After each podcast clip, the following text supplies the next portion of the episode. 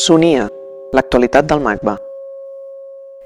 Franco Berardi, también conocido como Bifo, es un escritor, filósofo y activista político y cultural que ha dedicado gran parte de su carrera a estudiar las relaciones entre las nuevas tecnologías de la comunicación y los movimientos sociales.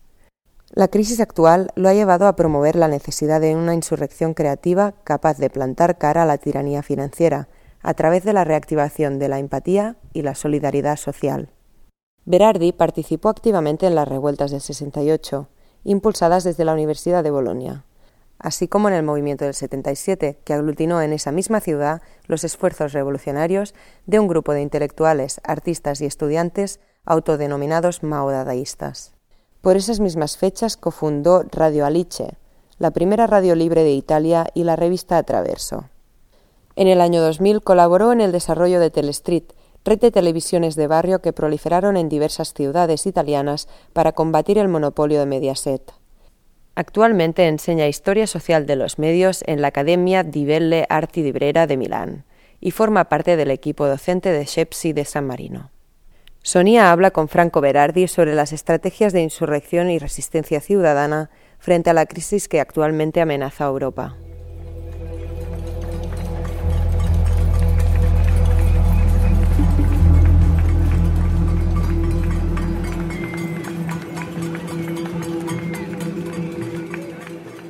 Yo sé muy bien que no es buena cosa nominar la bestia, nominar el mal absoluto. Sabemos muy bien que el nazismo es eh, un argumento tan extremo, tan doloroso, que mm, sería mejor no utilizarlo como un argumento común. Pero yo creo que al mismo tiempo tenemos que evitar un uh, business as usual, una actitud del tipo lo que se pasa es normal. Lo que se pasa en este momento no es normal. Es la transformación del sistema político en algo que no tiene nada de humano. El humano ha sido cancelado de la relación entre sociedad y política y de la relación entre sociedad y economía. El humano, es decir, la voluntad, el sufrimiento, el placer, la decisión consciente y sensible, todo eso ha sido cancelado. Hay solo una concatenación de números, algoritmos, informaciones, máquinas, y los hombres tienen que obedecer a esta concatenación. Eso es nazismo. Nazismo es la cancelación del humano.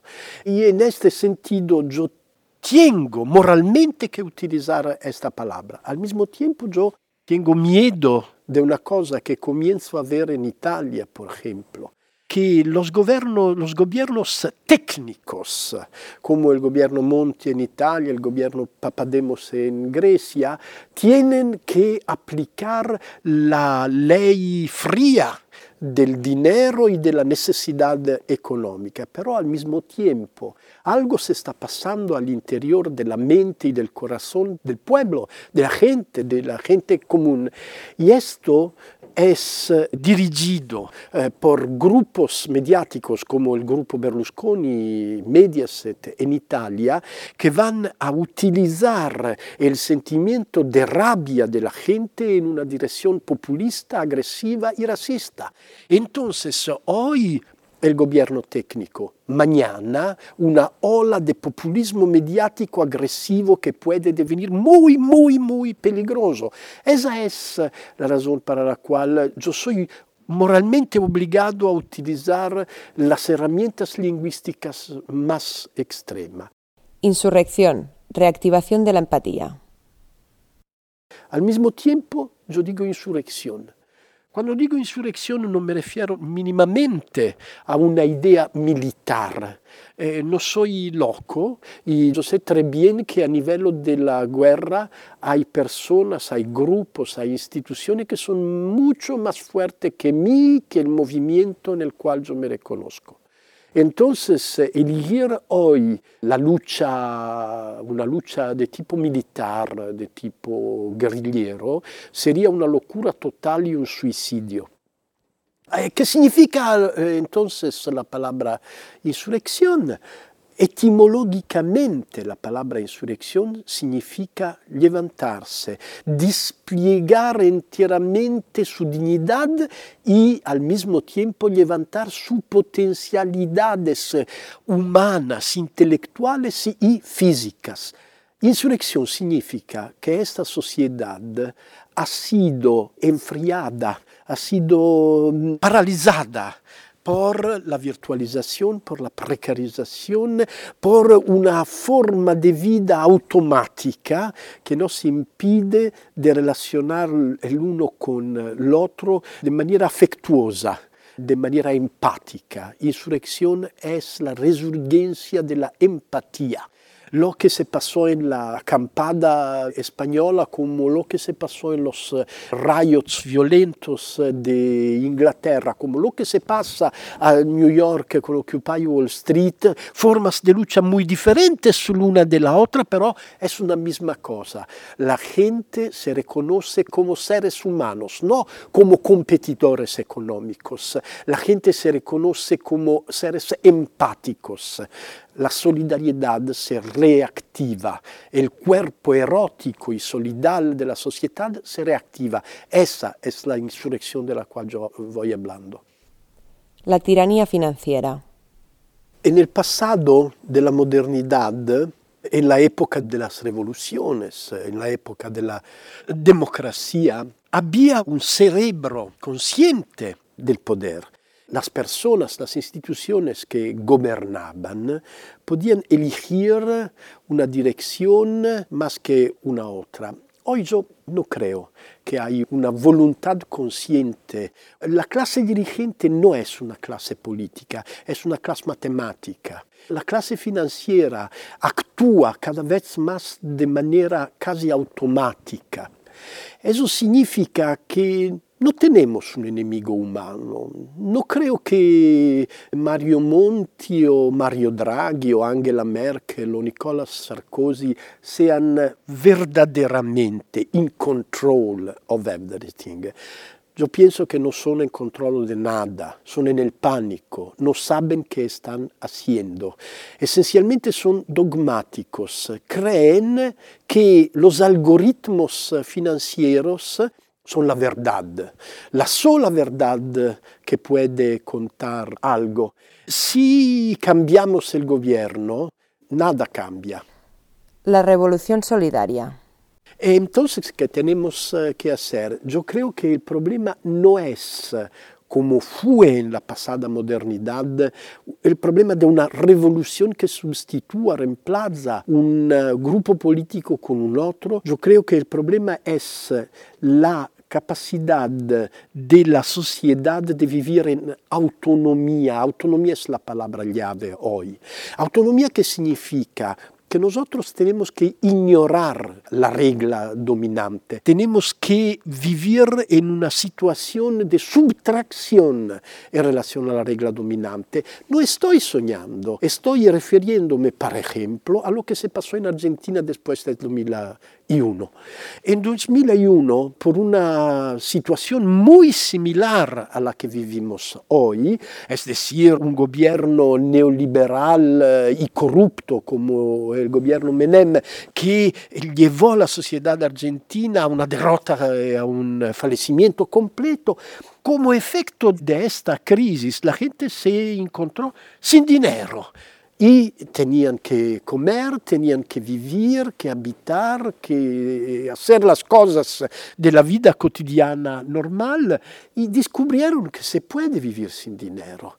Crearon restaurantes populares en las carreteras donde la gente podía comer juntos. Quien tenía algo dinero lo ponía sobre la mesa, quien no lo tenía no pagaba nada, ma lo que era importante era la reactivación de la solidaridad social en la vida cotidiana. Yo he mm, en Argentina en año 2005-2006 y mm, en esta situación me doy cuenta del hecho que era una sociedad feliz, era una sociedad solidaria, una sociedad en la contrariamente al lugar común que los argentinos son tristes, los argentinos eran mucho más alegres que los italianos o los españoles. Era gente que había vivido la apocalipse y que había que la economía capitalista es una superestructura que hoy existe, mañana puede no existir. Podemos devenir autónomos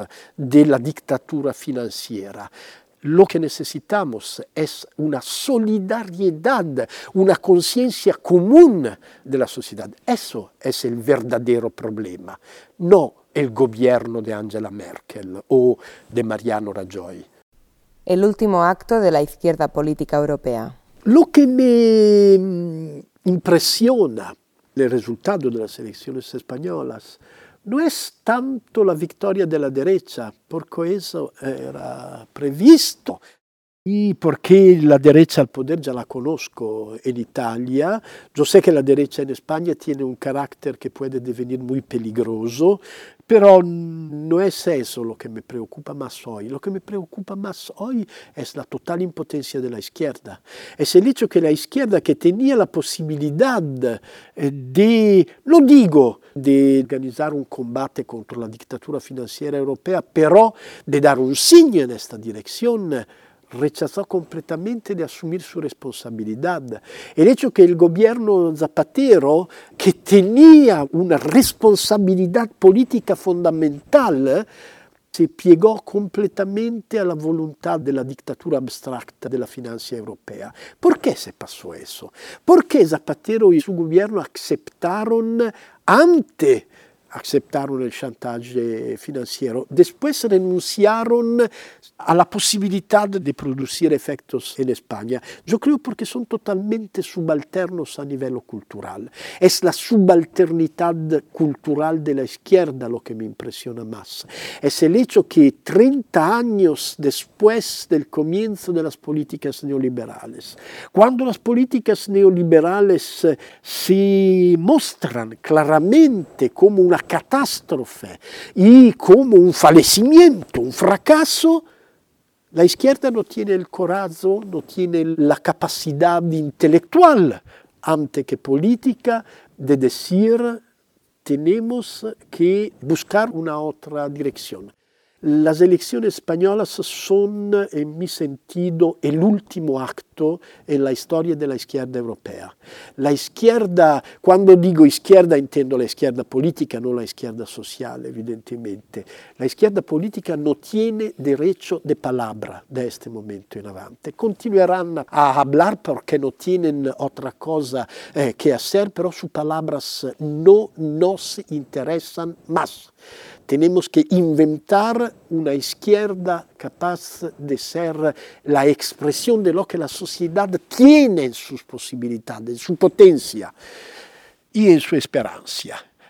Tenemos que cancelar la experiencia fallecida de la historia de la izquierda del siglo pasados, pasado y tenemos que enfrentar el peligro y la violencia inevitable que la derecha al poder va a representar, pero partiendo del futuro posible y no del pasado nostálgico de una izquierda que no tiene ningún papel. Rarificación comunicacional.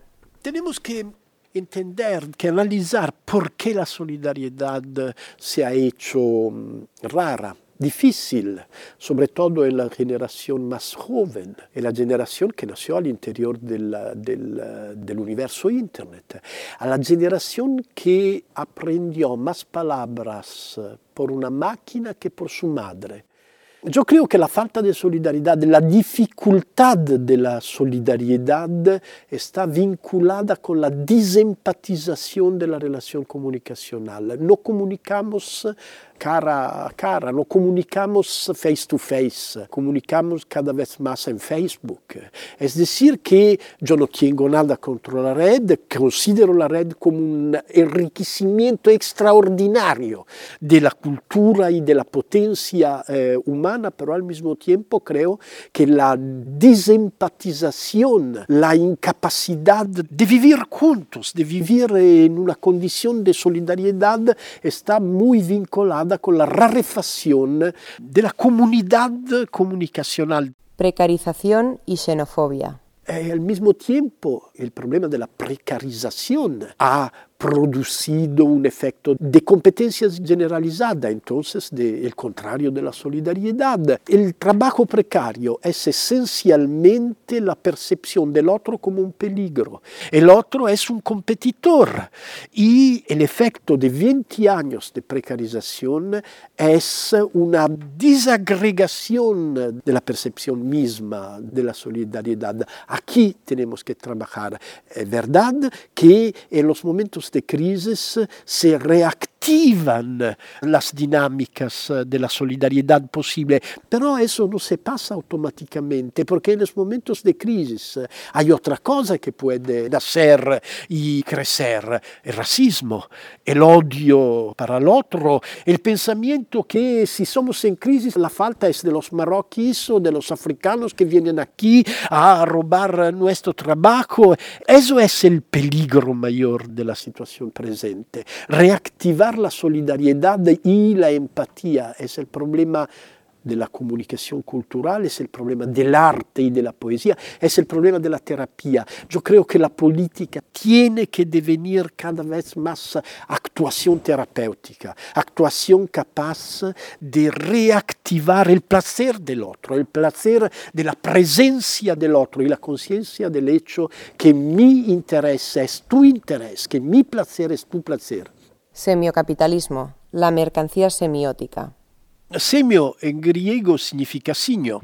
Y el proceso de transformación de la economía capitalista en los últimos 30 años eh, ha sido progresivamente un desplazamiento, una mm, dislocación desde la producción material de mercancías físicas hacia la producción de mercancías eh, semióticas, es decir, eh, culturales, proyectuales, estilísticas, terapéuticas, psíquicas. Entonces, semiocapitalismo significa la abstracción del capitalismo desde una dimensión de producción material hacia una dimensión de producción semiótica.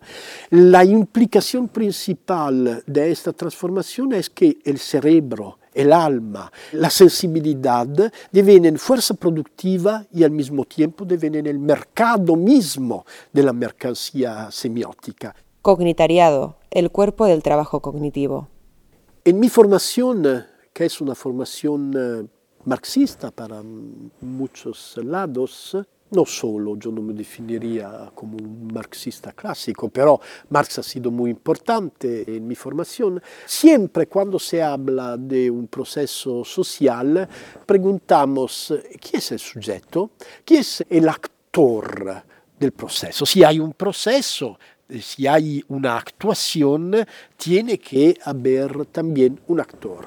En el siglo pasado, el actor del proceso de liberación y de transformación del mundo era la clase obrera.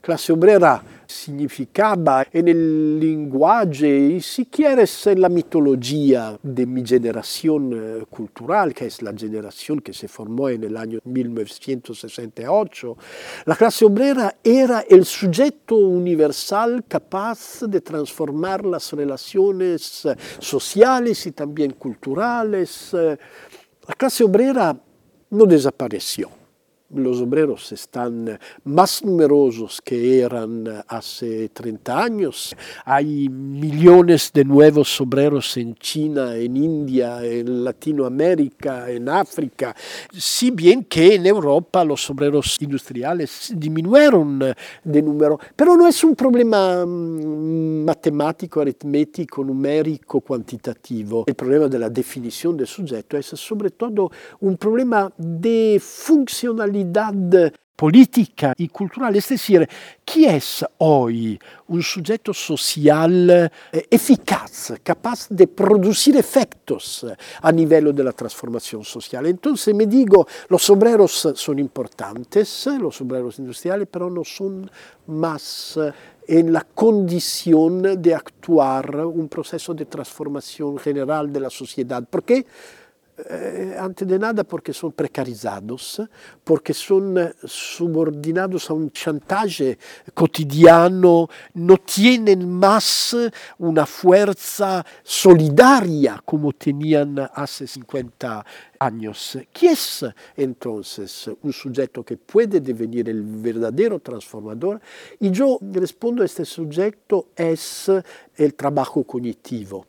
El trabajo del cerebro, el trabajo de la creación, de la programación, de la proyectación, de, la terapia. El sujeto es los que en otro tiempo llamábamos los intelectuales. Los intelectuales no es una mala palabra, pero no significa mucho hoy, porque los intelectuales eran gente separada desde el proceso de producción económica. Hoy los intelectuales son el corazón mismo del proceso de producción económica. Entonces yo voy a partir del trabajo cognitivo, pero el trabajo cognitivo no es solo cognición, hay una incomprensión en el discurso neoliberal sobre el trabajo cognitivo que nos presenta la virtualidad como algo sin cuerpo la red como algo que no tiene cuerpo. No es verdad, la red, la virtualidad, el trabajo cognitivo tiene un cuerpo, es el cuerpo de la gente que trabaja cognitivamente, que no tiene solo un cerebro, pero también una afección, un deseo, un miedo, una, una esperanza, una corporeidad, un erotismo, un, un sufrimiento, una enfermedad, una muerte. Hablar de muerte y de deseo, hablar de sufrimiento y de miedo, de depresión y de psicopatología, es una manera para entender que el trabajo cognitivo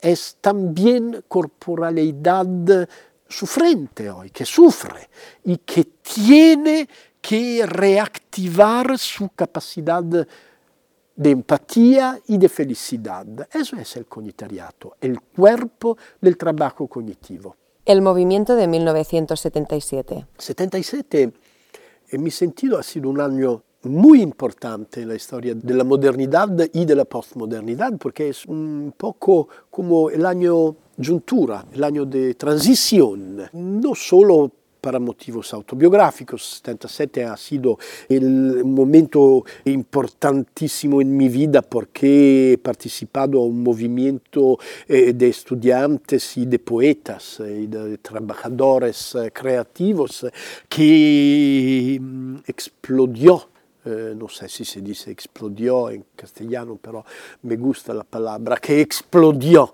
en las ciudades italianas y que produjo una verdadera insurrección en Bologna, todo en Bologna y en Roma. Y en el curso de esta explosión, italiano decidió que yo era culpable de organización de una insurrección y yo fui obligado a irme fuera de para escaparme de la cárcel. Y eso me permitió de a París, a París y conocer muchísimas personas que han sido fundamentales en mi formación cultural eh, siguiente, como Félix Guattari o como Michel Foucault o como Jean Baudrillard. Entonces en mi vida 77 ha sido el año decisivo, pero yo creo también en la vida de mi generación y de las generaciones sucesivas, porque 77 es también el año en el cual Sex Pistols gritan por la primera vez uh, No Future. El futuro se acabó. Eh, y el 77 es también el año en el cual Steve Jobs y Steve Wozniak en un uh, pequeño lugar de la Silicon Valley crean las interfaces, uh, friendly interfaces de la Apple y el concepto mismo de la Apple. 77 es también el año en el cual Charlie Chaplin murió. Charlie Chaplin es el símbolo de una posible humanidad de la modernidad. Después la muerte del hombre gentil, del hombre de los tiempos modernos, humanos, el capitalismo se vuelve en un sistema totalmente dishumano. Es el momento en el cual Margaret Thatcher y Ronald Reagan se preparan a tomar el poder y a destrozar la sociedad. Eso es 77. Es el momento en el cual comienza la barbaridad del capitalismo. El capitalismo no es más un factor de desarrollo y de progreso, como había sido a pesar de todo durante la modernidad precedente y se transforma en un sistema de destrucción de la humanidad social. Margaret Thatcher eh, dice en estos años 77-78, dice, there is no such thing as the society, no hay nada que corresponde a la palabra sociedad. Es una frase muy profunda, muy, muy significativa, porque significa solo hay la economía. Los seres humanos no contan nada. Y actualmente esta frase no es una descripción de la es una self-fulfilling prophecy, es una profecía que se autorrealiza. Margaret Thatcher dijo, no hay la sociedad y comienza el proceso de eliminación de la sociedad. Hoy, 35 años después, podemos decir 77 es el comienzo de una insurrección que hoy tenemos que relanzar. El movimiento de Bologna en 77 era esencialmente un movimiento de la poesía. Nosotros nos definíamos como maudadaístas en un sentido que era al mismo tiempo irónico y al mismo tiempo mm, esperanzoso de una posibilidad de creatividad en la vida cotidiana. Encontramos la barbaridad del neoliberismo y fuimos derrotados por esta barbaridad, pero hoy la historia recomienza. No sé si hay una analogía entre el movimiento de 77 y hoy, no me interesa mucho, pero veo que hay una problemática, un contexto que es, que es el mismo, que continúa. Arte y poesía ritmo, conspiración y autonomía. Ahora yo creo que el eh, movimiento mismo de la experimentación artística va en una dirección que es un desarrollo, una elaboración del sufrimiento. Después de la diagnosis tiene que venir la terapia. Y creo que los artistas empiezan, los poetas sobre todo, yo creo que es el momento de la poesía hoy. Poesía no significa palabras escritas en una cierta manera. Poesía significa creación de mundos imaginales, creación de mundos rítmicos. Hay un problema de ritmo en este momento. El ritmo que hemos subido es el ritmo abstracto de los algoritmos financieros y de la máquina de subordinación automática. Yo creo que hay una necesidad de reactivación de un ritmo erótico de la relación social. Y eso significa, por ejemplo, la reactivación del placer de perder tiempo de vivir con los otros sin finalidades económicas. Eso es un problema de la sensibilidad colectiva. Sensibilidad es una otra palabra que considero central a nivel político. Y sensibilidad es la facultad de entender lo que no podemos decir con las palabras o con los algoritmos. La sensibilidad, la percepción del cuerpo del otro como algo que te enriquece, que te abre un entendimiento del mundo mundo, reactivar la sensibilidad, crear retornelos, ritmos de compartir la vida cotidiana, conspiración entendida como respiración común, reactivación de un respiro colectivo, tranquilo, armónico. Yo diría de un, un respiro autónomo desde la respiración automática del algoritmo. Eso es el problema de los artistas eh, y de los poetas hoy.